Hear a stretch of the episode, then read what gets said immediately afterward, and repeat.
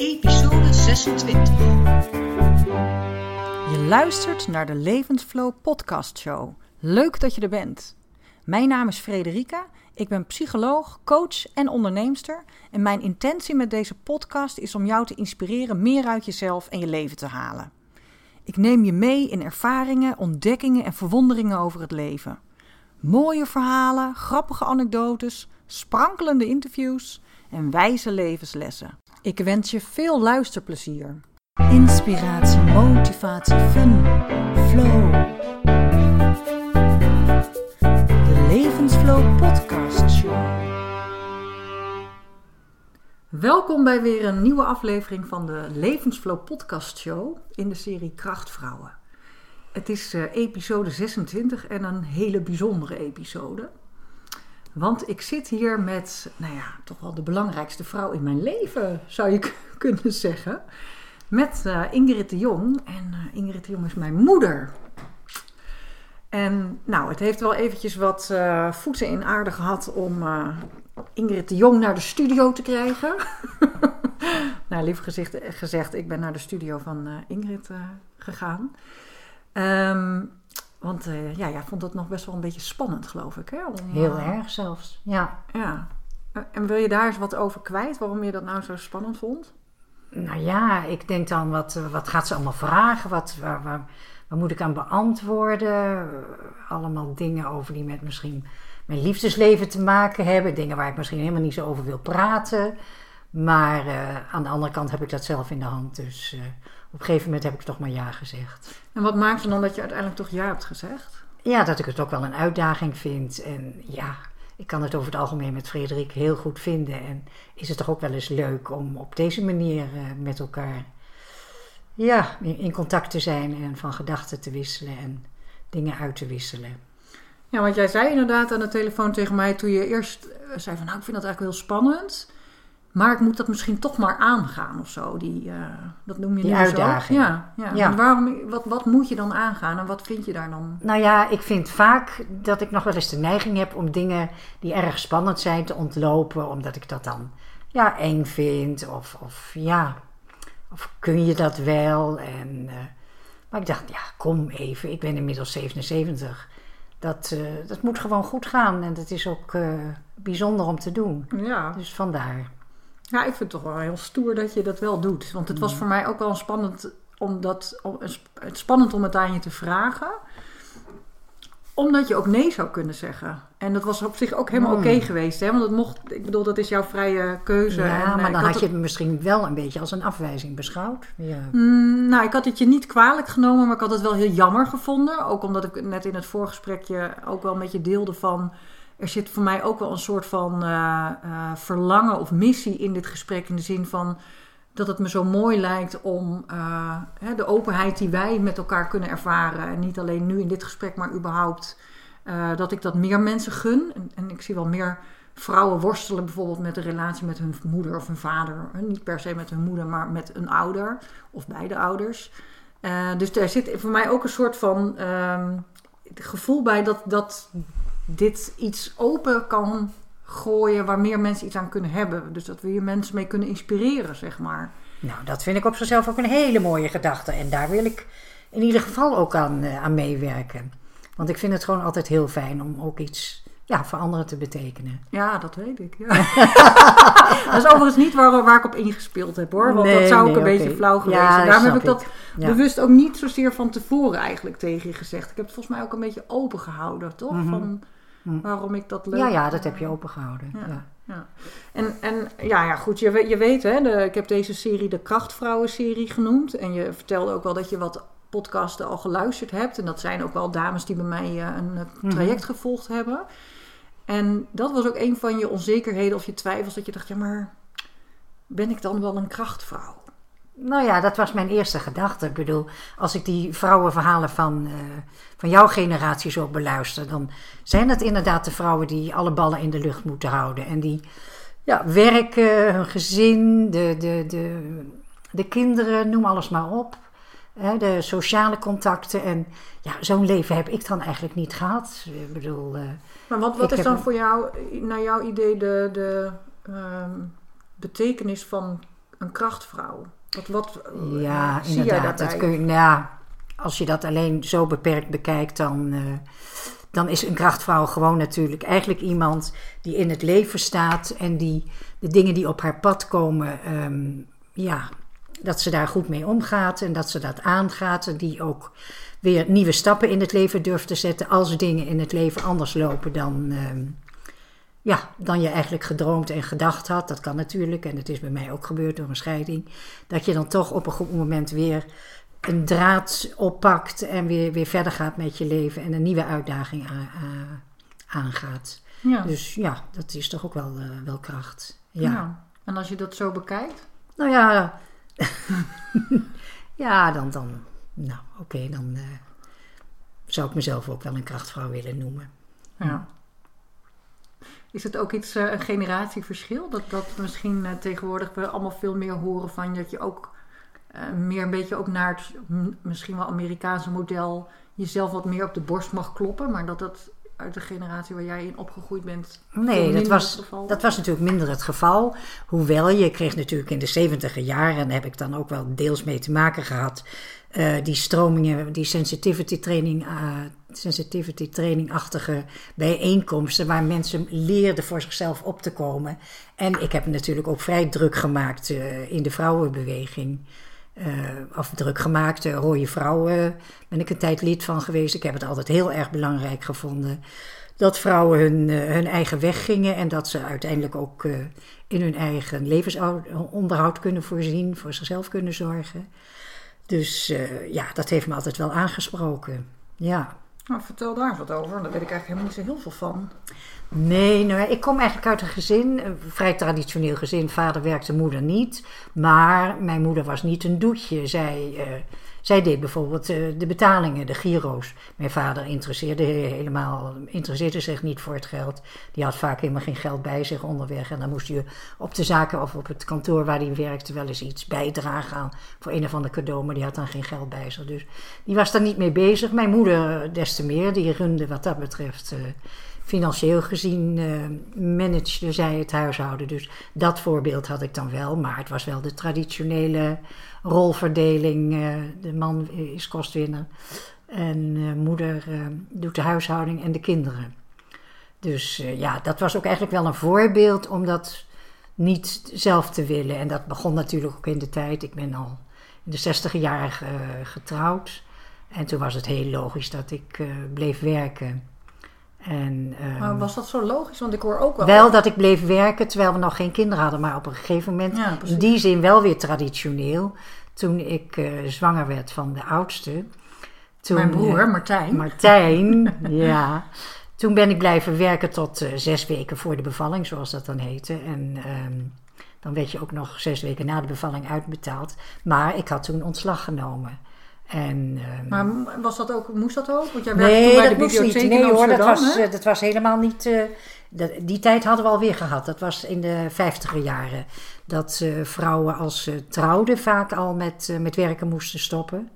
Dus nee, dat was in mijn tijd zeker niet het geval. Maar wat is dan toch dat jullie die keuze hebben gemaakt? Nou ja, weet ik niet. We gingen kinderen krijgen, dus die ga je opvoeden. En, en dat was wel het meest gangbare ook hoor. Het waren uitzonderingen. Ik had een goede vriendin, Annemarijke, en die bleef werken. Nou, dat was best uh, bijzonder. En dan uh, zorgde ik dan ook weer, ving ik haar kinderen ook weer op, waardoor zij ook weer kon werken. En op zichzelf heb ik dat ook allemaal wel prima gevonden. Maar in die zin bevredigde het me ook niet helemaal. Dat ik heb me toen gestort in um, allerlei uh, ja, vrijwilligerswerk. Op, ja, want ik kan me niet anders herinneren dan dat jij bezig was. Altijd wat vergaderingen en clubjes. We hebben met elkaar de Peuterspeelzaal opgericht. Een stichting uh, Jeugd- en Volwassenwerk met allerlei activiteiten. En uh, ja, dat vond ik ook altijd uh, ontzettend leuk, leuk om te doen. Want wat was daarin jouw drijfveer? Ja, je wilde iets voor de gemeenschap doen. Uiteindelijk waren we toen in een klein dorpje terechtgekomen. En ja, dan was het leuk om de school waar je kinderen naartoe zouden gaan, want toen gingen ze nog niet eens naar school, om je daar al mee bezig te houden, om je daarin te oriënteren, om te kijken wat je voor de, voor de kinderen en de, en de ouders kon doen. Ja, dat, uh, dat toch eigenlijk wel. Ja. En want wat ik me ook wel voor kan stellen, dat kun je in onze tijd bijna niet meer voorstellen dat je als moeder thuis zit, zeg maar. maar het gebeurt natuurlijk nog ook bij mensen wel. Uh, is dat het ook wel heel erg beperkt is. Want je zit dan, hè, zeker als je kinderen nog klein zijn en je doet daar verder buiten niet zo heel veel, dan is je wereld ook zo klein. Dus zat ernaast dat je een verlangen had om iets goeds te doen voor de wereld, ook een verlangen om onder de mensen te zijn? Of, of... Jawel, dat ook wel. Maar oh, wij waren eigenlijk best redelijk onder de mensen. Ik had wel, wel vriendinnen daar. En uh, ja, Frank waar ik toen en die waren ook, dat waren natuurlijk ook vriendinnen die ook thuis De meeste waren ook thuis, ja. ja, ja. Goed, Annemarijke was natuurlijk ook een vriendin, maar die werkte dan. Maar dat waren wel de uitzonderingen. Nou, Frank, mijn echtgenoot van toen, die uh, ging toen op een goed moment de politiek in. Mijn vader. Ja, en uh, daar was ik ook heel erg in geïnteresseerd. Dus met die mensen, de, we zaten dan in zo'n clubje, zo'n bestuursclubje. En die vergaderden regelmatig. Uh, buurvrouw In zat daar ook in. Dus nee, er was altijd wel reuring. En we hadden het over de politiek en wat er allemaal gebeurde. En we wilden ja, we interesseerden ons voor het onderwijs. Meer meisjes mondig maken was toen zo'n uh, boekje. Dat uh, meisjes ook vooral. Um, de Moedermavo werd toen opgericht, waar veel vrouwen naartoe gingen die eigenlijk hun uh, opleiding in dat tijd niet afgemaakt hadden, maar dat toch wilden en die vooruit wilden komen in het leven. Nou ja, zoals ik al zei, bij die politieke club hoorden dan ook de rode vrouwen. Nou, daar heb ik ook. Wat zijn de rode vrouwen dan? Dat was de vrouwenafdeling van de Partij van de Arbeid. En um, nou ja, de rode partij, hè, de, uh-huh. de, socialisten werden rooie genoemd. Dus dat waren de rode, de vrouwen daarvan. En die, uh, ja, die kwamen bij elkaar, die praten over politiek, die zongen liederen. En, en, maar die hadden ja. verder niet een politiek doel? Nee, nee. Maar als er bijvoorbeeld wat bijeenkomsten waren waar, waar iedereen meedeed, dan traden wij op met een, met een lied of iets. En toen was ik nog hoogzwanger. Ja, ik denk van jou, ja was ik hoogzwanger van jou toen we, toen we ook nog eens uh, iets opgevoerd hebben. Hmm. Dus jij hebt er ook wel iets van meegekregen. Ik heb er ah. meegekregen van die mooie vrouwen. En, ja. dat, en dat zingen natuurlijk. Tuurlijk. maar wat, ik, wat ja. mij wel uh, intrigeert is dat je, je noemt uh, dat, een vrij, nou, toch wel uitgesproken duidelijk standpunt over bepaalde waarden die belangrijk voor je waren. Ook met betrekking tot die rechten van meisjes en vrouwen. Um, is dat ook wat je in de opvoeding naar mij en Martijn hebt willen nou. overbrengen? En zo ja, hoe heb je daar dan bewust bij Nou ja, we hebben daar altijd wel heel erg over nagedacht met speelgoed. Dat je dat toch een beetje neutraal hield. Dat je niet alleen poppen voor de meisjes. En wat mij altijd nog is bijgebleven, dat is het boek eh, van Annie Schmid, Jip en Janneke. Waar Jip uh, duidelijk het jongetje was en Janneke het meisje. En als ik dat dan voorlas, dan draaide ik de namen om. Ja. En dat hadden jullie niet door, dus dat... Uh... Nee, dat weet ik nog, dat je me dat later vertelde. En dat heb ik bij mijn kinderen ook gedaan. Oh ja? wat enig. Ja. ja, ja, ja, want ik vond inderdaad, dat, daar zit wel wat stereotypes in. Terwijl Annie M. Gesmied volgens mij ook nog best wel voor. Later is die ook... Uh, ja, dat was een hele vooruitstrevende vrouw juist. Heel erg. Uh, maar goed, dit was een van haar beginboeken. En toen... ja, ze heeft er later maar had, jij het, had jij het idee dat, dat vrouwen meer stem moesten krijgen? Of dat, dat, dat we als vrouw mogelijk onderdrukt zijn? Nou ja, dat is zeker zo. Ja, daar ben ik van overtuigd. Ik bedoel, uh, ja, ik luister dan naar de klassieke zender. En dan eh, laatst was de, de top 400 van de klassieke muziek. Of de top 1000 van de klassieke muziek. En dan passeren alle mogelijke bekende componisten de revue. En dan blijkt dat van al die componisten, dat er op één handje zijn de vrouwelijke componisten. Te, die waren er wel, maar die kregen niet de kans. En, uh, dus dat is dan één klein voorbeeldje van. Maar zo is het ook wel volgens mij met schrijfsters. Hè? Of dat het dan uiteindelijk uitgegeven werd onder de naam van de man. Ja, een vrouw ja, dat is natuurlijk ook zo. Nou, we zijn al aardig in de goede richting, maar het is nog steeds zo dat er verschil is tussen betalingen, hè, salarissen van mannen en vrouwen. Ja. En uh, ja, je hebt dan toch ook nog dat lang niet veel vrouwen topposities hebben. Dan hoeft dat natuurlijk ook allemaal niet. Maar ik denk dat het voor bedrijven en voor zaken, voor überhaupt voor um, ja, situaties waar mensen samen werken, dat van, als van beide kanten er mensen in zitten, mannen en vrouwen, dat het evenwichtiger en dat er beter uh, ja, Ehm, de zaak geregeld wordt. Ja. ja, ik denk het ook. En um, hè, de balans is te ver doorgeslagen. Zeker, ik denk misschien wel de laatste honderden jaren. Er zijn ook wel tijden geweest waarin vrouwen meer eh, macht hadden. Of meer, nou ja, meer dus in de pap te brokkelen misschien hadden.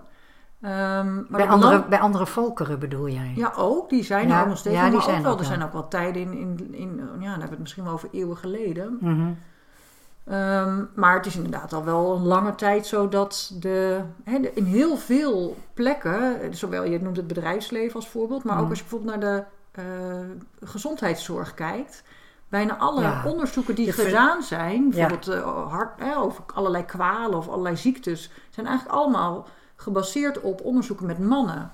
Bijvoorbeeld het hele verhaal van een hartinfarct of Precies. een hartaanval. Ja, we hebben allerlei symptomen, weet ik het wat allemaal. En er is nu meer en meer onderzoek wordt er ook gedaan naar vrouwen. ja. En blijken daar toch echt hele andere symptomen en ook dus eh behandelwijzen Ja, eh, te ja. zijn voor het vrouwenhart. ja Maar heel veel eh, medicijnen zijn gericht op, op de, de anatomie van de man of ziektes bij een man.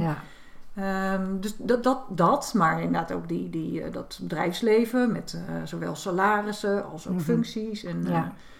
eh, en ja, en ik denk dat er sowieso ehm, op mannelijke waarden veel meer ehm, leidend zijn. Hè? De mannelijke waarden van, van prestatie, status, geld verdienen. Heel veel in het doen, de actieve energie. Wat, waar op zich helemaal niks mis mee is. Want dat is ook nodig. Maar als je kijkt naar de vrouwelijke kant, we hadden het daar straks al eventjes over spiritualiteit. Maar dat heeft veel, hè, dus de vrouwelijke kant is veel meer het kunnen zijn met wat er is. ja, Zijn in plaats van doen. ja. Eh, in de flow kunnen zijn. ehm, de liefdevolle kant, het Mm. milde, het vriendelijke, het- de verbinding, het sociale. ja, ja. Ehm, en dat wordt vaak een beetje of als zweverig of als Ja. soft weggezet. Waardoor het eigenlijk minder waarde krijgt of niet als gelijkwaardig wordt gezien aan de nou, veelal mannelijke Ja. waarden. Maar als je niet alleen in het bedrijfsleven, maar ik denk in de hele wereld wel, als we die boel wat meer in balans Ja. krijgen. Nou, dat- je ziet dat toch dat wel. nodig is, ja, maar. zeker. Maar je ziet toch wel bij veel modernere stellen en veel modernere gezinnen dat de verdeling toch alweer veel beter wordt. Dat mannen zich toch ook veel meer Ja, met de dat is- kinderen maar dat- Ja, en bezighouden. dat is in praktische zin zeker het geval. Ja, maar toch ook wel in emotionele zin. Tenminste, daar, daar zie je toch wel meer voorbeelden van dan, dan, dan 50 jaar geleden. Ja, dat denk Ja, ik wel. ja, maar ik denk dat we nog steeds wel even daar, daarin Oh ja. in een behoorlijke overgangsfase zitten. En ook eh, dat we dus ook al met de strubbelingen daarvan te maken hebben. Hè, dus dat het. En dat de man het daar ook moeilijk mee heeft hoor. Het is niet zo dat we als Mm. vrouwen weggezet moeten worden van wat hebben we het allemaal moeilijk en wat zijn we zielig. Maar dat we echt op zoek zijn naar een hernieuwde balans. En dat dat, dat nog niet ehm zover is, zeg maar. Nee. En want het, ergens is het natuurlijk fijn dat die man een hoop dingen doet en dat die vrouw ook kan werken. Maar om het even heel simpel te zeggen, vroeger had je de vrouw had de zeggenschap over het huishouden en over het thuisdomein. Dat was gewoon, hè, daar was zij kapitein op het schip. Ja. En die man die was kapitein op het schip op zijn werk. En die bemoeide zich ook niet zo met dat huishouden. Die, Nee. ja, zij, zij, die, hè, die vrouw die snapte dat wel, moest je ook niet aan komen. Maar nu is dat de hele tijd verdeeld. Hè? Dus zowel in tijd van, ja, maar nou wil ik werken, ja, maar ik moet ook werken. Toch ergens nog vaak het gevoel van dat Mm, het werk van de mm. man belangrijker is. Terwijl die soms minder uren maakt of minder verdient. Maar ja, dat is dan toch een beetje dat stukje mannelijkheid. Ja. Of wat er misschien ook wel collectief in zit. Of, of van generatie op generatie. Ehm, maar ook, al, ook allebei de, dat, denk zeggenschap ook- hebben over, die, over Ja. dat thuisdomein. Het is niet Nou meer ja, zo en van... dat vinden ehm, vrouwen dan ook vaak lastig. Want die waren lastig. ook gewend dat het hun keuken en hun spullen en weet ik wat. En ja, die mannen maken er soms een puinhoop van als die dan gekookt hebben. En dat kan dan ook weer ergernis opleveren. Dus ja, net wat je zegt. Precies. Dat is nog niet Ja, als ik was uitge- op mijn manier, dan weet ik dat, het, eh, dat, ik het het niet drie- hoef nee. te strijken. Of als ik precies. de afwasmachine inruim, Ja. dan hoef ik het niet weer over te doen. Ja, ja, ja. Ja, dat zijn allemaal komen- klein, ja, ja, het zijn hele kleine dingen, maar daar kunnen Het klinkt best... als kleine dingen, maar het zijn dagelijkse ergernissen die Hmm, voorbij komen. Dat is allemaal nog niet uitgekristalliseerd. Nee, nee. nee, nee. Ja, Had jij in deze tijd willen... Nou, je leeft in deze tijd, maar had je... Oh nee, ik ben zo tijd, verschrikkelijk eh, blij dat ik nu niet te maken heb met kinderen die voortdurend willen gamen en achter de iPod, eh, iPad, heet zo'n ding, willen zitten. Maar eh, nee, jullie speelden nog. Jullie speelden buiten, jullie speelden thuis. Vriendjes over de vloer, bij vriendjes en vriendinnetjes. Nee, dat was wel een hele andere tijd. Ja, denk je dat je dat een leuker, dat je dat fijner vond? Of denk je dat het nu moeilijker is? Ik denk dat het nu moeilijker is. En zeker met die telefoons en die social media. Nee, ik denk dat het zeker moeilijk is. Ik kan nog wel eens met heimwee terugdenken. Ja, ik bedoel, ik ben in 43 geboren. Dus ja, toen ik zo 13, 14, 15 was. eh, toen woonden wij aan de rand van Hengelo. En dat was zo'n beetje de buitenkant. Dus je ging op de fiets naar buiten. Je, eh, ja, je had nog zandpaadjes. Je had nog, ja, dat klinkt dan wel allemaal heel erg nostalgisch. Maar daar kan ik nu nog wel eens heimwee naar hebben. Ja, ja. Vooral de laatste jaren is dat eigenlijk meer. En wat is dan die heimwee?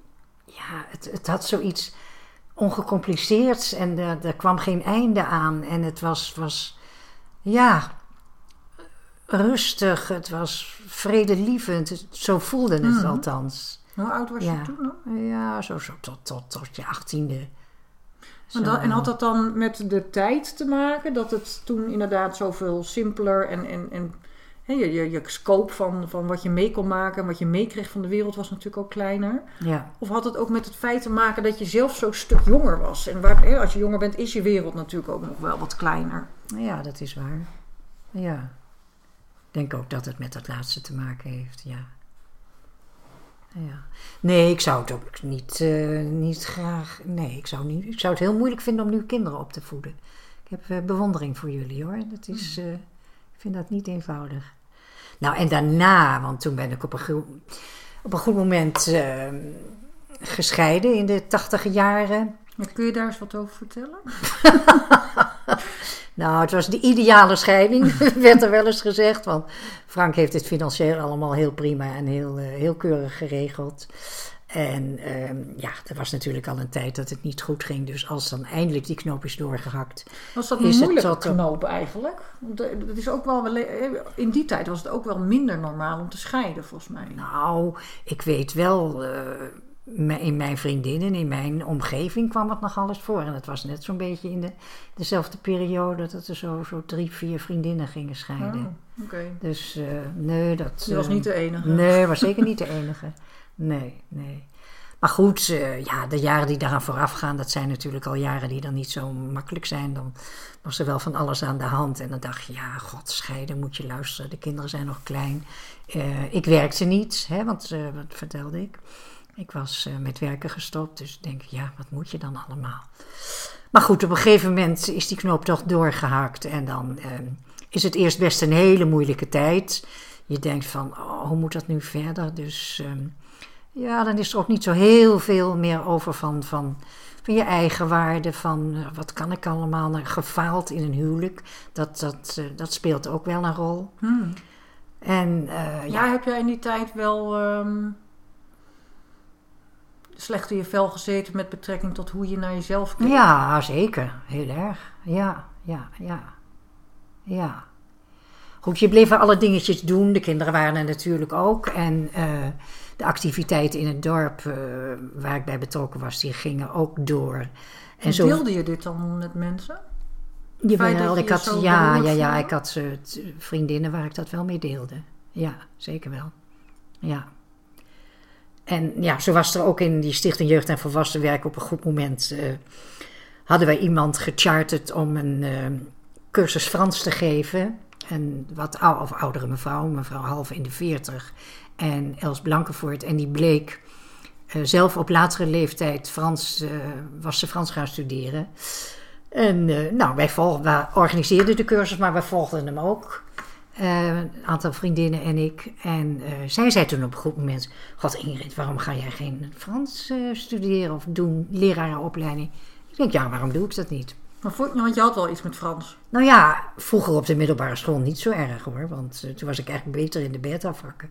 Maar goed, ehm, maar ja, ik vond het erg leuk en eh, de manier waarop ze het eh, les gaf was ook eh, inspirerend.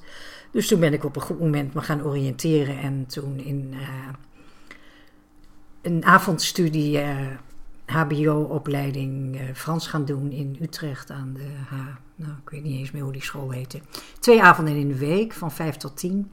En heel veel huiswerk. Nou, dat deed ik fluitend, dat vond ik enig. Want dat Ja. kan ik me nog wel herinneren. Toen woonden we op het Voorste Gewind. En Ja. toen studeerde jij. Ja, ja, zeker. Jij zat op het gymnasium, ik was met, met die Frans bezig. En in het jaar was het 92, 93? Toen deden we allebei, jij ehm, deed eindexamen gymnasium en ik was toen klaar met mijn opleiding Frans. Hmm. We zaten dus allebei te blokken voor, eh, voor onze ik examens. volgens mij in eh, 94. Nou, dat kan ook vier, ja, 94, want in 95 kreeg ik mijn eerste baan. Oh ja. ja, ja, ja. Ja, dat was heel spannend. Dat vond ik erg leuk. En ik vond het een uitdaging. Ik vond het leuk om te doen. Ik was 47 toen ik ermee begon, dus 51 toen ik klaar was. Nou ja, toen dacht ik, ik kom niet aan de bak, zeg. Want toen, ja, toen bleek op een goed moment dat er best eh, behoefte was aan eh, leerkrachten. Heb ik eerst een invalbaan gehad. Ja, toen moesten nog tussen twee mensen gekozen worden. En toen ben ik het geworden, een invalbaan in Hendrik Ido Ambacht of all places. en ehm, nou, ik vond het allemaal best spannend hoor. Als je daar zo voor het Tuurlijk. eerst... eh, en zeker die Want hoe brug. lang had je toen niet gewerkt? Ja, 20 Ik jaar. was eh, toen, voordat Martijn geboren werd, van 73 tot, tot 95. Ja, 20 jaar. Ja. ja, alleen vrijwilligerswerk en van alles en nog wat, maar geen, geen betaalde Betaalde baan. baan. Nee. Toen heb ik gesolliciteerd naar een vaste baan in eh, Hardingsveld. Ja, en eh, nou, dat was ook wel weer spannend. Ja. Maar HAVO, MAVO-klasse en HAVO-klasse, want ik had tweede graadsbevoegdheid, dus dat betekent tot en met drie HAVO-VWO en tot en met de vierde MAVO. Mhm. Nou, dat heb ik toch met, eh, met plezier gedaan. En daar heb ik mijn eh, tweede grote liefde ontmoet. Dus dat was ook wel weer heel bijzonder. is het voor jou je CIOC als je tweede grote liefde? Ja, zeker. Ja. Want wat daar tussendoor is geweest, dat zie je niet zo. Niet als echt een grote liefde, nee. Nee, nee dit was echt wel eh, heel bijzonder. Ja, ja. Ja, moet ik daarover zeggen allemaal? Ja, Ja. dat ik ook niet. Nee. Nee, dat is de man met wie je hier in Wapenveld uiteindelijk terecht bent gekomen. Hè? Ja, de eerste jaren. eh, ja, hij was toen. in de tijd dat ik daar op school kwam werken, toen leefde zijn vrouw nog. Die was wel ernstig ziek, die had borstkanker. En eh, dat was in 95 ben ik eh, daar eh Willem de Zwijger College gaan werken. En in 97 is zijn vrouw toen overleden. En nou ja, als oud collega kwam je wel eens even. Hij was net daarvoor, hij kon nog van een regeling gebruik maken, op zijn zestigste met werken gestopt. Mhm. Want hij dacht, nou, dan ben ik vrij om Annie, zo heette ze, te verzorgen. Maar twee maanden nadat hij met, eh, in de fut was gegaan, die voorpensioenregeling, toen overleed zij. Dus, eh, nou ja, dat was ook voor hem wel, werd ineens een eh, eenzaam bestaan.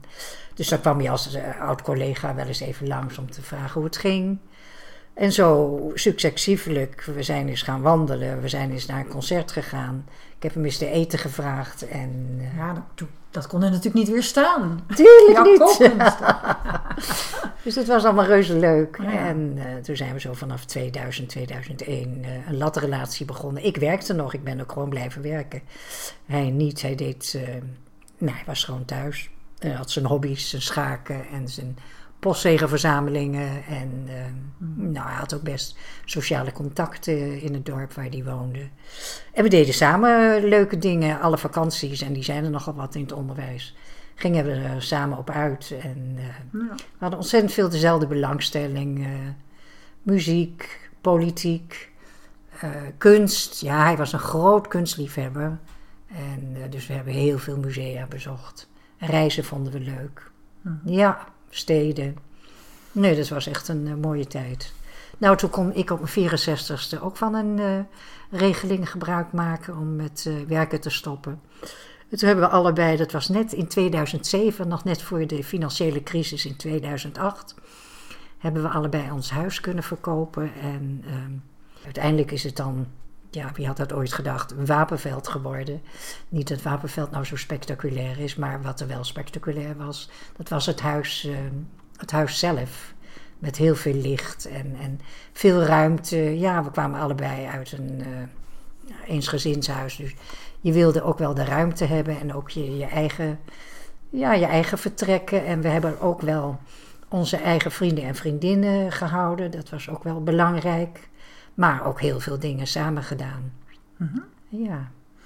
En dat is nu eh, zeven jaar geleden hè, dat hij ehm, ja, toch redelijk plotseling is overleden. Mhm. met een kort ziekbed. Ja, Ehm, nou ja, goed. eh, Ik weet natuurlijk dat dat... eh, dat was overigens in exact dezelfde tijd dat papa ook overleed. ja dat was zo absurd. tijd, dat was zo heel absurd. ja. Tien dagen voor José overleed Frank. Ja, ja. Ja, En eh, dat was overigens aan een hartstilstand. Dus nog plotseling. Ja, dan, eh, ja. HC. ja. Maar ehm, ja, het is niet dat wij het dagelijks hebben over. eh, in het begin heb je het daar meer over. Het wordt natuurlijk eh, op een gegeven moment steeds minder. Maar hoe sta jij zelf daar nu in? In dat eh, verlies, zeg maar. Van Ja. Aan de ene kant, het is nu zeven jaar geleden, lijkt het alsof het nog veel langer geleden is dat ik samen met José was. En ehm, dat, maar aan de andere kant is het ook nog heel, ja, kan ik me niet voorstellen dat het al zeven jaar is. Nee. En ze zeggen wel, het, het verdriet slijt met de jaren.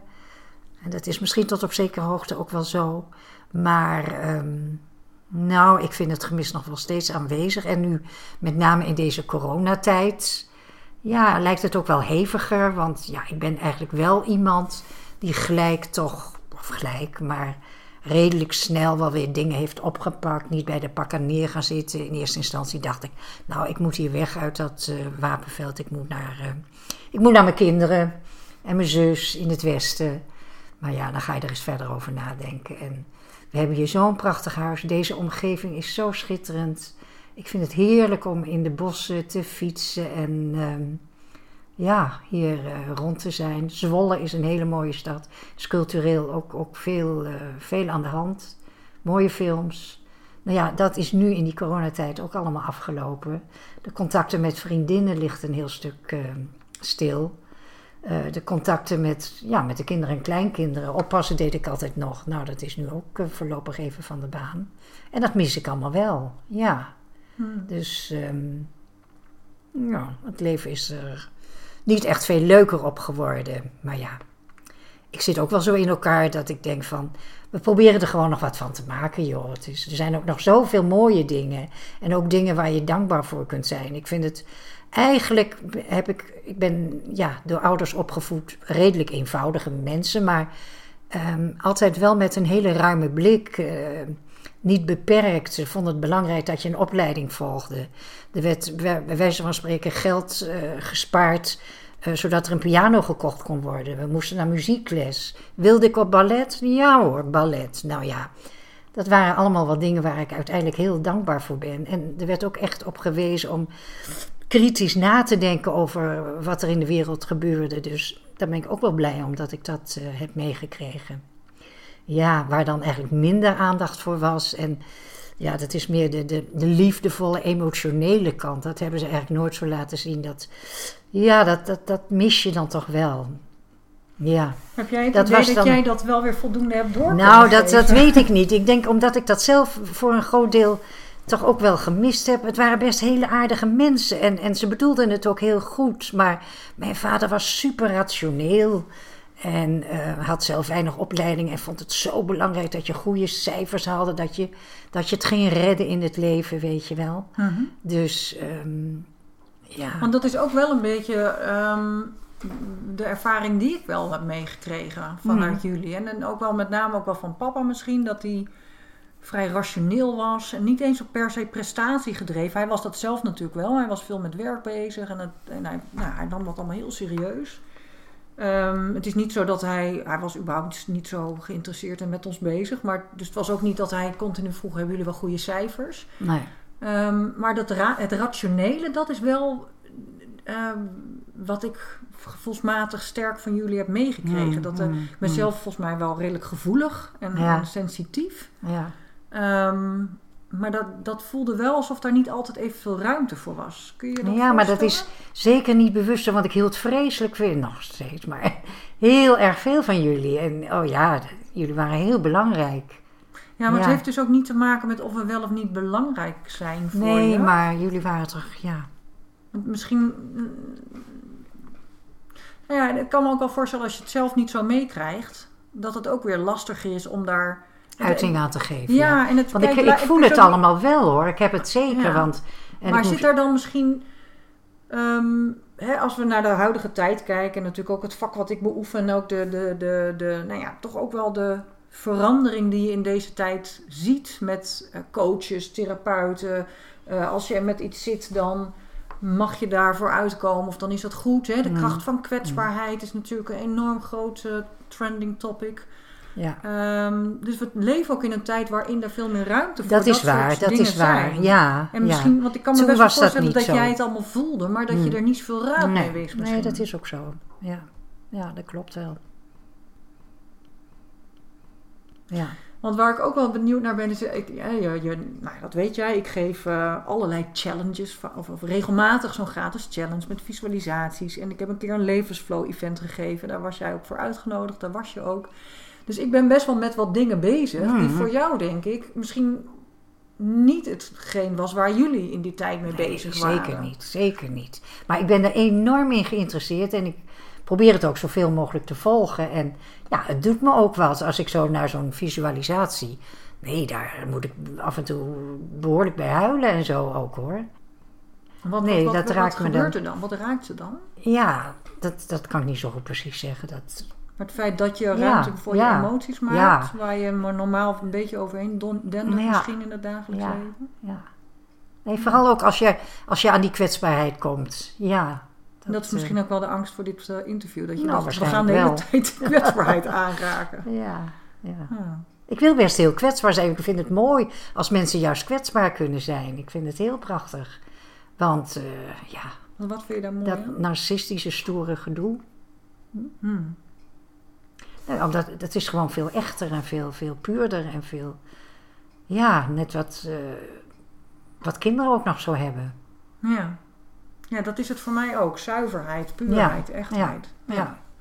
En dat betekent echt niet dat je de hele dag eh, kwetsbaar moet rondlopen. Maar kwetsbaarheid zit er natuurlijk in heel veel dingen. Hè. Voor mij zit kwetsbaarheid ook wel heel erg in eh, durven zijn wie je bent. En durven Oh ja. staan voor, voor wat voor jou belangrijk is. Maar ook eh, durven zeggen tegen iemand dat je iets vervelend vindt. Maar ook Ja. durven zeggen tegen iemand dat je van hem houdt. Ja, ja, ja. Ik weet het nog Dat wel. zijn wij dus niet eh, gewend hoor, als, als kind niet. Dat hebben we niet geleerd, nee. Maar ik heb dat ook Nee. niet her, per se Nee, geleerd. Ik nee, heb het dat- mezelf Jij hebt het jezelf, ja, nou ja, goed, dat heb, dat heb jij zeker. En nu leer ik het Ja. jou een beetje. Ja, nou heel goed, toch? Weet ik niet, is dat zo? Ja, nee, ik heb daar wel wat aan, zeker. Hmm. Ja. Ja, Dus ik daarom- vind dat, maar dat vind ik ook, ja, dat vind ik overigens wel heel waardevol. En dat is ook misschien wel wat ik ehm, mooi vind aan dit gesprek. Dat jij dus, eh, dat je er zo open voor staat. Hm. Want dus, je kunt ook denken, ja leuk hoor, mijn dochter doet leuke dingen. En fijn dat het voor haar werkt. En, Mm. en je hoeft het niet te doen. Hè? Kijk, als, je, als het je interesse niet zou hebben, moet je het niet doen omdat je het doet voor mij. Nee, Je nee, nee ik doe het ook voor mezelf. Ja, ook voor jou, maar ook voor mezelf. En, en voor jou, omdat ik ook van jou hou en dat ik ook in jou geïnteresseerd ben. Dus dan wil ik ook daar wat meer over weten. En ja, het doet me ook wat.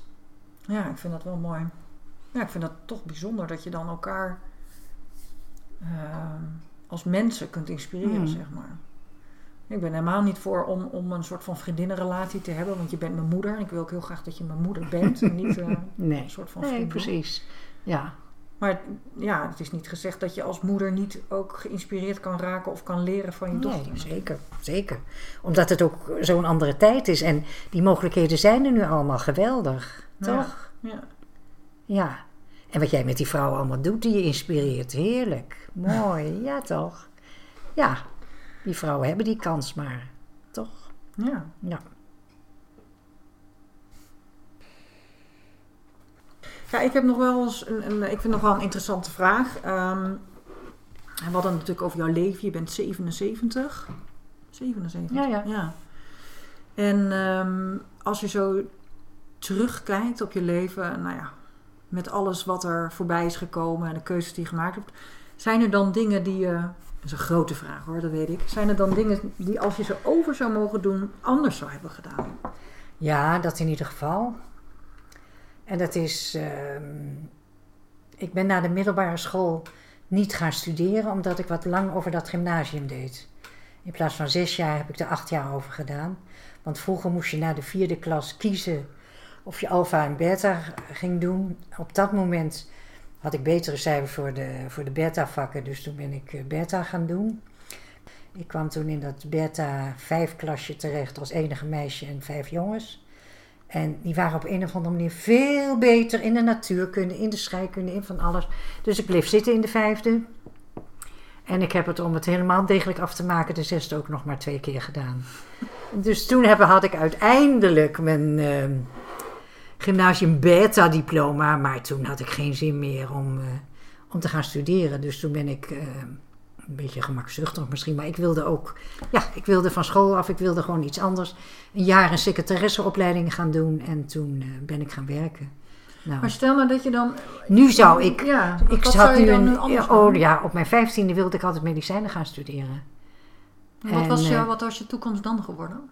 Stel dat je dat had gedaan.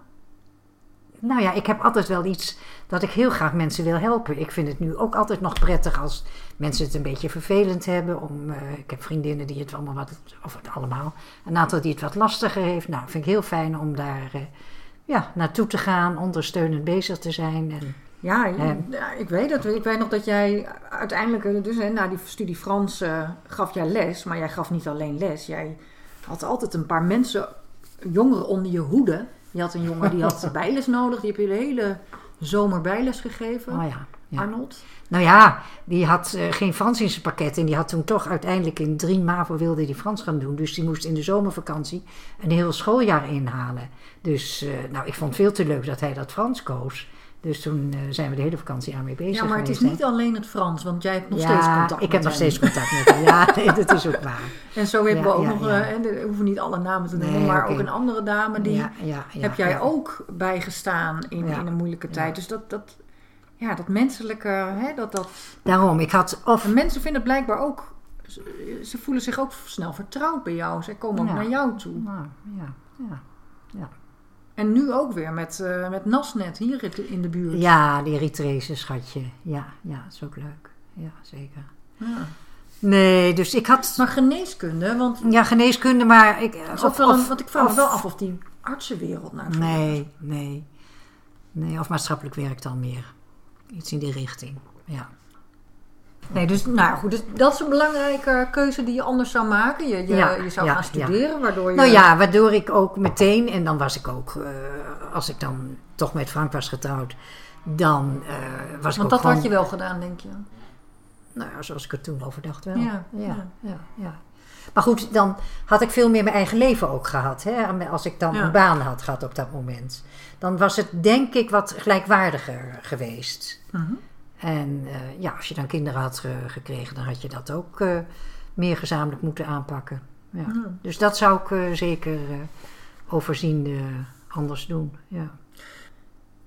Hey, hoe, hoe ehm, ja, dat is ook misschien een ingewikkelde vraag, maar hoe ervoer jij vroeger de band met mij en hoe ervaar je dat nu? En is daar ook een, een ontwikkeling of verandering in voor jou dan? Ik heb het gevoel dat wij de laatste, ja, al heel lang eigenlijk, in de loop der tijd, dat die, dat die band verstevigd is. Ja.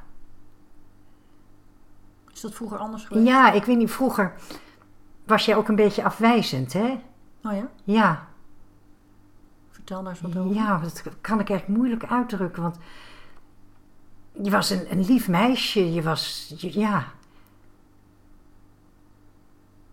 Je bedoelt echt als kleinkind? Ja, als kleinkind was je ook, eh, ja, je, had, je kon ook wel eigenwijs zijn. Je staat op heel veel kinderfoto's sta je een beetje bozig. Alsof je al een beetje bozig ter wereld kwam of zoiets.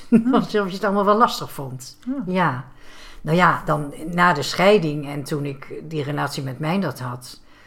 Ja, daar heb ik ook niet erg goed in gehandeld. Toen heb ik, eh, ja, jou waarschijnlijk wel wat, wat verwaarloosd. Wat niet, niet altijd even liefdevol eh, ben ik daarmee omgegaan. Omdat ik ja, zo blij was dat iemand aandacht aan mij besteedde weer na, na de problemen met Frank. Ja, dus je Dat zat in je daar- eigen pijn. Ja, ik zat. eh, en toen heb ik daardoor te weinig, aan, te weinig aandacht eh, voor jou gehad.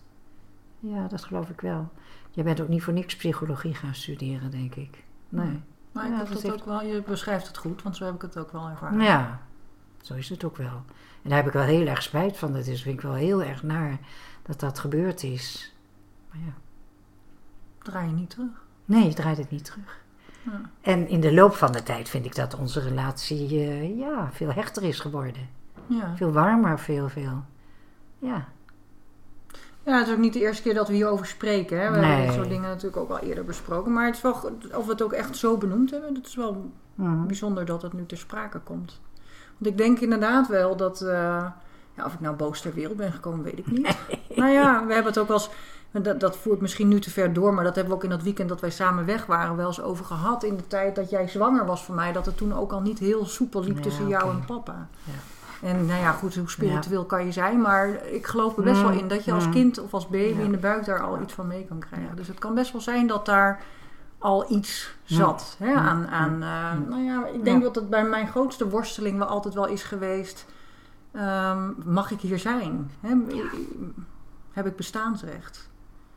Ehm, en ik wil niet zeggen dat ik dat niet kreeg van jou of van Mm. papa. Dat, het, dat ik het, ge- we- of het tegenovergestelde gevoel kreeg. Maar ik, ik denk dat er altijd wel een kern is geweest dat ik dat, he- dat, ik dat Ja. voelde. ja, En misschien wel doordat ik sensitief was en misschien wat meer naar binnen gekeerd. ja, En jij soms echt wel, hè? je kan een mening hebben. En We hadden het net al over het verdoezelen van die kwetsbaarheid. Eh, die krachtigheid eigenlijk. Of tenminste die, die ja. ja, Nee, dat klopt. Overweldigende Ik wil, dan, ik wil dan sterk zijn, weet je wel. Ja. En dat, dat, dat is dan, dat, dat, ik heb het gevoel dat, daar, dat we daar elkaar niet konden vinden of zo. En Mm. nou ja, goed, wat, ik was dan misschien ook wel een beetje te klein om daar. Ik bedoel, ik kon dat natuurlijk niet aangeven. En jij wist waarschijnlijk op dat moment niet zo heel goed Nee. hoe je er dan mee om moest gaan. Nee. En eh, ja, dus dat- de, ja, je, zoals je het net omschreef, zo heb ik het ook wel ervaren. En dit is helemaal niet. ehm, nogmaals, ik weet helemaal niet hè, wat. wat eh, ik, ik, ik geloof er echt heilig in, en dat geloof ik bij heel veel ouders in, dat ze. Dat alle ouders met de kunde die ze hebben, met dat wat ze kunnen en wat ze zelf hebben meegekregen, hun uiterste best doen om er het beste van te maken. En dat geloof ik bij jou ook. Ja. En dat doe jij ook weer met je kinderen. Ja, want ik zie natuurlijk mezelf ook fouten maken. En Ja. ik zie ook dat ik denk, oh help. Je geduld verliezen af en toe. Ja, tuurlijk. En, Ja. en, en eh, je kan bij wijze van spreken zo benoemen welke trauma's er aan het ontstaan zijn. ja. Dus, hè, ik maak dat kun jij benoemen Ik maak natuurlijk, misschien weer andere fouten dan jij. Ja, En, en ik heb dan inderdaad misschien nu iets meer handvatten om, het, eh, Mm. om daar dan weer iets mee te kunnen. Maar ik weet ook de lange termijn effecten er niet van. Nee. Dus, ehm, nee, maar het is wel mooi om het over te hebben. Zeker. Ja, ja. Ja, dus ik denk ook niet dat het zinvol is. Dus eh, als je zegt van ik heb daar spijt van. ehm, dat heeft denk ik helemaal, is Nee, helemaal niet het, nodig. het, het is zoals het is en het was zoals het was. Ja, dat klinkt dan een beetje een dooddoener, maar zo is het natuurlijk wel. Mhm. Ja. Hey, en als je. ehm, Ik noem dat in het begin van ons gesprek al, hè, van het zou mooi zijn als wij met ons gesprek anderen weten te inspireren om ook misschien wel wat meer openheid in de relatie te brengen. Ehm, heb jij daar dan ideeën over of, of adviezen of tips hoe kinderen en ouders dat zouden kunnen? Dus ook op volwassen leeftijd nog. Of juist op volwassen leeftijd. Ja, het hangt er ook heel erg van af, denk ik, of mensen daar behoefte aan hebben. Hè? Denk je dat? Ja, ik Ja, denk, dat weet ik niet. Ik, ik, ik zit maar dan ik denk even als naar, mensen naar diep in hun hart kijken, Ja, dat, dat ze daar ja, eigenlijk altijd ja, behoefte aan hebben. Want het wel, gaat over het verdiepen van de verbinding met een persoon die je die heel dierbaar is. Ja, zeker. Dus ik denk ook al kunnen mensen roepen van nou dat wil ik niet of dat interesseert me niet. Dan denk ik dat daaronder, en dat wil niet zeggen dat iedereen er ook aan toe is en of dat Mm, ook gaat mm, gebeuren. mm. Dus ik snap wel waarom je dit zegt. Maar in diep in de kern denk ik dat uiteindelijk Ja. iedereen dat zou willen. Maar ja, hoe je dat nou kunt motiveren en, en kunt, kunt Ja. bewerkstelligen. Ja, meestal is het zo dat als iemand er tegenaan loopt, en vaak is het wel het kind, om het dan maar even Ja, zo te zeggen. ja, ja. Want die leeft in een tijd waarin er toch meer openheid is. Ja. Hè? Die heeft dat beter geleerd. die komt dan bij een coach of een psycholoog. En, en die heeft, heeft het daar dan over. En daar kan Maar ja, niet iedereen komt, niet alle kinderen komen bij Nee. coaches en psychologen Nee. terecht. Nee, dat is ook niet altijd nodig, hè? Nee, nee. Dat, dat bedoel ik, of, of mensen daar behoefte aan hebben. Of dat ze hun. Nee, dat gaat mij natuurlijk wel om de mensen die voelen van... hey, ja, die daar last iets. van hebben. Ja. Toch? Die daar, ja, die daar, die daar eh, wat, een wat diepere relatie zouden willen met hun Wel, maar je hebt, je hebt ook wel mensen die niet per se naar een coach of een psycholoog gaan, maar die wel een hele oppervlakkige of minder aantrekkelijke relatie met een ouder hebben. En misschien wel behoefte hebben aan die verbinding. Ja, dat zou kunnen. En die door wat- het luisteren van dit interview misschien denken: "Hm, Ja, nou dan ga je het. Moesten ze op NPO 1. eh, uitzenden. Uitzenden. NPO 1. Ja. ja, precies. Misschien moeten we dat voor elkaar krijgen. ja, joh. Maar eventjes nog in dat kader. Ja, het is misschien een beetje eh, onverwacht, maar ehm, eh, ik heb nog iets voorbereid voor vandaag. Eh, ik even kijken. Oh, dat, ik heb hem niet uitgeschreven. en dat is... ehm, nou, ik ga het gewoon maar eventjes voorlezen. Oh, Ehm, want eh, nou, ik, ik heb de inleiding eigenlijk ook op papier geschreven, dus die lees ik ook gewoon maar voor. Ik schrijf je een brief. Mijn cliënten worstelen vaak met hun zelfvertrouwen en hun plek in de wereld. En we bekijken dan de patronen die ze in hun leven ontwikkeld hebben. En soms komt daar pijn van vroeger bij omhoog. Niet voor niks had ik net natuurlijk die vraag gesteld. En bijvoorbeeld een ingewikkelde relatie met een van de ouders of soms zelfs met allebei. We kijken dan samen wat die persoon te helen heeft om verder te kunnen. Het kan zijn dat iemand iets kwijt wil over de relatie met die ouder. En ik adviseer dan regelmatig om een brief te schrijven aan die ouder. Zonder dat die brief opgestuurd hoeft te worden. Want zo kan iemand namelijk ongegeneerd zijn verhaal kwijt, zijn gevoel opschrijven. Samen bespreken we die brief dan. En vaak vloeit er dan toch de wens uit voort om in gesprek te gaan met zo'n ouder. En die brief, of een herschreven versie daarvan, voor te lezen. En dat levert maar vaak mooie gesprekken op en vaak ook een verandering in die relatie. Meer begrip of meer, minder verkramping, meer verbinding. Nu ontvang jij deze brief van mij. En ik schrijf je deze brief niet omdat ik het gevoel heb dat er iets geheeld moet worden wat nog pijn doet. Er is een andere reden voor deze brief. Toen papa, jouw ex, we hadden het er daar straks al even over, zeven jaar geleden overleed, stond ik met een dikke buik op zijn begrafenis een speech te houden. Moeilijk vond ik dat. Allereerst omdat hij dood was, heel plotseling. Ik had geen afscheid kunnen nemen. En in de tweede plaats was het moeilijk omdat ik lang nagedacht had wat ik zou vertellen. Want de relatie met hem was niet zo makkelijk en ik wilde wel een eerlijk verhaal vertellen. Mijn gevoel uiten, maar ook mijn dankbaarheid. Best wel kut dat ik dat tegen mijn kist moest doen. En jij leeft nog, godzijdank. Tegen jou kan ik praten en aan jou kan ik mijn brief voorlezen. Nu komt eigenlijk pas de echte brief. Lieve man, dankjewel. Dankjewel dat je aan deze podcast meedoet. Ik weet dat, hoe rete spannend je dat vindt en dat je er al een week van wakker ligt. Maar zo stoer dat je het ondanks die onzekerheid toch doet. Dat is precies, precies waarom ik jou een krachtvrouw vind. Dankjewel voor je tomeloze energie. Vroeger als kind altijd thuis, als wij uit school kwamen, was je er. En met al je liefde en creativiteit onze kinderfeestjes organiseren. Sinterklaas, weet ik wat allemaal. Dank je wel voor je krachtige mening. Ik schrik er soms van en ben het niet altijd met je eens, maar het leert me om over dingen na te denken. Dank je wel dat je zo'n goede luisteraar bent. Ik kan altijd bij je terecht. Je bent oprecht geïnteresseerd. Ik kan me de avond na het Levensflow-event nog goed herinneren. Georg en de kinderen waren toen in Oostenrijk en ik had mijn eerste event gegeven. Je was erbij en s'avonds bleef ik bij jou logeren. Ik stond te stuiteren en bleef maar ratelen. Je deelde mijn enthousiasme en je gaf me alle ruimte om de hele avond ervoor, erover vol te kletsen. Ik had die avond echt bij niemand anders willen zijn dan, dan bij jou. Dank je wel dat jij jij bent. Ik ben blij met je, dat je mijn moeder bent. Niet perfect en juist daarom precies goed zoals je bent. Je bent een topwijf, een prachtig mens, een krachtvrouw. Godvrees. Ik hou enorm veel van jou. Oh, jezus. Liefst je dochter. Mooi. PS. Ja. En nu wij. Oh. Schatje. Ah, Geweldig. Wat mooi, lieverd. het is weer wat anders dan een Sinterklaas gedicht, hè? Vind ik wel. Ik ga hem straks voor je en je mag hem houden. Oh, wat geweldig, Vreetje. Ja. Ach, ach, ach. Nou, dat was misschien, dat is ook nog wel zo'n ding, hè? Dat je vaak bij begrafenissen of bruiloften de mooiste dingen aan elkaar vertelt Ja. of, of doet. Ja, en niet... eh, En ik denk, waarom eigenlijk niet vaker gewoon? ja. ja. Mooi moment Nou. om de podcast af te sluiten, toch? Ja, Nou, met deze emotionele nou. eh, afsluiting sluiten we de podcast af. Ik bedank de luisteraars van harte voor het luisteren. En ik hoop echt oprecht dat wij mensen hiermee geïnspireerd hebben. En wie weet eh, op NPO 1.